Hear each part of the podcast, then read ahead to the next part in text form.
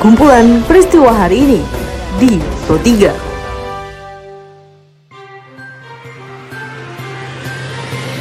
Halo pendengar, saat ini Anda sedang mendengarkan kumpulan peristiwa Pro 3. Pada podcast kali ini, saya seperti biasa mengulas terkait isu-isu aktual yang saat ini masih hangat dan ramai diperbincangkan di sekitar kita. Tentu saja pendengar, nanti akan saya hadirkan cuplikan informasi dari reporter kami. Saya Tika Nantia dengan naskah yang disusun oleh Karisma Rizky. Inilah kumpulan peristiwa Pro 3 di ruang dengar podcast Anda. Pendengar sebelum saya masuk ke dalam beberapa isu aktual yang akan saya hadirkan sesaat lagi, saya mengundang Anda untuk mampir ke laman berita kami di rri.co.id. Anda juga bisa memfollow sosial media kami di Instagram, Twitter, juga Facebook dengan mengetik at RRI Programa 3 di kolom pencarian Anda. Baiklah pendengar, inilah kumpulan peristiwa Pro 3 selengkapnya. Pendengar kami awali dari reporter kami Pradipta Rahardi yang melaporkan bahwa Polda Metro Jaya memberlakukan penyiagaan personil di 33 titik mengingat penetapan pembatasan sosial berskala besar atau PSBB yang telah dimulai pada Jumat 10 April 2020. Terkait dengan hal ini, warga ibu kota diharapkan dapat mengikuti ketetapan PSBB demi memutus mata rantai penyebaran COVID-19 di zona merah DKI Jakarta dan sekitarnya. Pendengar Direktur Lalu Lintas Polda Metro Jaya Kombes Pol Sambodo Purnomo Yogo mengatakan bahwa kepolisian telah siap melaksanakan pengamanan PSBB dan menyiapkan personil di lapangan yang tersebar di titik pengawasan. Sehingga tentu ini perlu waktu untuk mensosialisasikan kepada masyarakat tentang hal-hal apa saja yang boleh dan tidak boleh dilakukan oleh masyarakat selama pelaksanaan PSBB di Jakarta ini. Jadi mungkin satu dua hari ini kita masih sosialisasi ataupun kita akan kalau yang di perbatasan-perbatasan itu kita akan kembalikan dia untuk tidak masuk Jakarta. Boleh masuk Jakarta tapi sesuai dengan ketentuan yang berlaku. Kita beralih ke Gorontalo, pendengar di mana Gubernur Gorontalo Rusli Habibi yang mengumumkan kasus positif corona pertama di wilayahnya menjadi status tanggap bencana dari siaga bencana dan masih melakukan kajian dari berbagai pihak terkait untuk menerapkan pembatasan sosial. Mendengar berikut keterangan dari Gubernur Gorontalo Rusli Habibi. Kemarin kami sudah setuju waktu Vicon video conference dengan para bupati wali mm -hmm. kota Gorontalo termasuk Forkopimda. Saya minta sama maksimal besok hari Sabtu.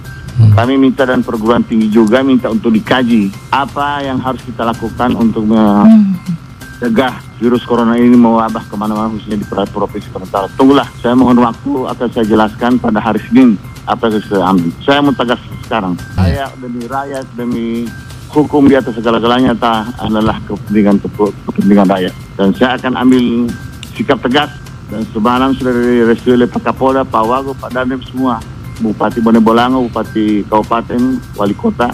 Saya minta juga mereka harus tegas dan apa pun konsekuensinya harus kita hadapi dan kita siap untuk masyarakat Gorontalo.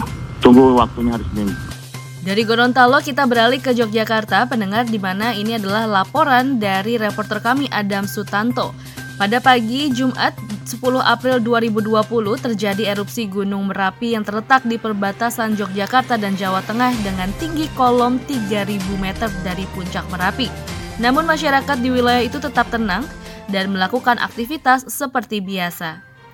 Ketua Paguyuban Sabuk Merapi Dewa Sidoarjo, Kemalang, Klaten, Sukiman mengatakan banyak masyarakat yang berada di ladang dan di hutan buru-buru pulang sebagai antisipasi adanya bahaya Merapi. Merapi erupsi kembali, arah angin menuju ke barat ya, barat ke utara sedikit. Warga tenang-tenang mawon, nggak ada apa-apa, cuman yang kalau yang ada di hutan tetap mereka ur, lengare turun nganten oke ya tetap mulai karena kondisi kayak gitu ya tetap mulai mengawekani tapi pada intinya aman terkendali Beralih ke informasi selanjutnya, pendengar dikabarkan oleh reporter kami Yorike Fitri, di mana imbas dari kebijakan PSBB di DKI Jakarta yang berlaku pada Jumat 10 April 2020 ini berdampak bagi pengemudi ojek online yang kabarnya mengalami dan mengeluhkan penurunan penghasilan.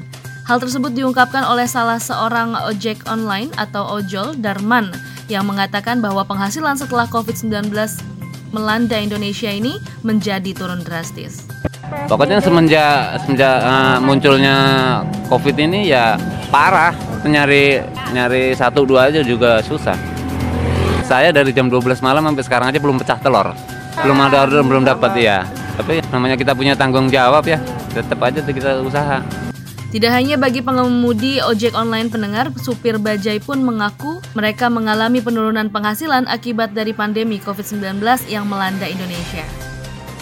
Informasi selanjutnya pendengar di mana temuan kasus baru COVID-19 yang dilaporkan oleh reporter kami Joshua Sihombing bahwa per tanggal 10 April 2020 terdapat penambahan kasus baru yang konfirmasi positif COVID-19 berjumlah 219 kasus. Hal tersebut diungkapkan juru bicara penanganan COVID-19 Ahmad Irianto. Dari penanganan kasus COVID-19 yang sudah berada di rumah sakit, pada hari ini terdapat penambahan 219 kasus baru, artinya bahwa ini adalah diperkirakan infeksinya, terinfeksinya di 5-6 hari yang lalu sebanyak 219 kasus baru, sehingga totalnya adalah menjadi 3.512 kasus. Ada 30 pasien yang sudah sembuh, sehingga totalnya menjadi 282 kasus. Kemudian ada 26 yang meninggal sehingga totalnya menjadi 306 kasus. Pendengar informasi selanjutnya masih terkait dengan PSBB yang dikabarkan oleh reporter kami Noviana Gebi. Gubernur DKI Jakarta Anies Baswedan menghimbau kepada seluruh warga di Jakarta untuk tetap berada di rumah selama penerapan PSBB hingga 23 April 2020.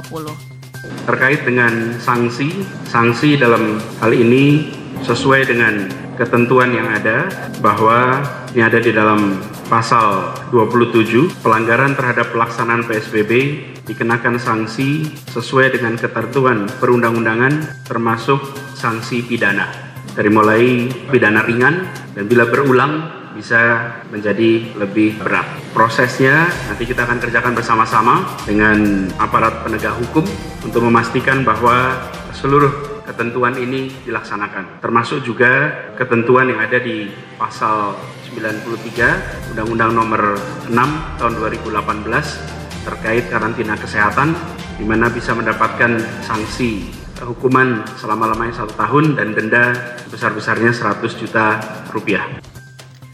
Pendengar informasi tadi sekaligus mengakhiri perjumpaan kita pada podcast edisi hari ini. Anda masih bisa mendengarkan edisi hari ini dan hari lainnya di Spotify dengan hanya mengetik RRI Pro 3 di kolom pencarian Anda. Pendengar tetaplah menjaga jarak dan tetaplah berada di rumah. Saya Tika nanti undur diri. Sampai jumpa. Jalanan ibu kota DKI Jakarta masih Kumpulan peristiwa hari ini di Pro 3.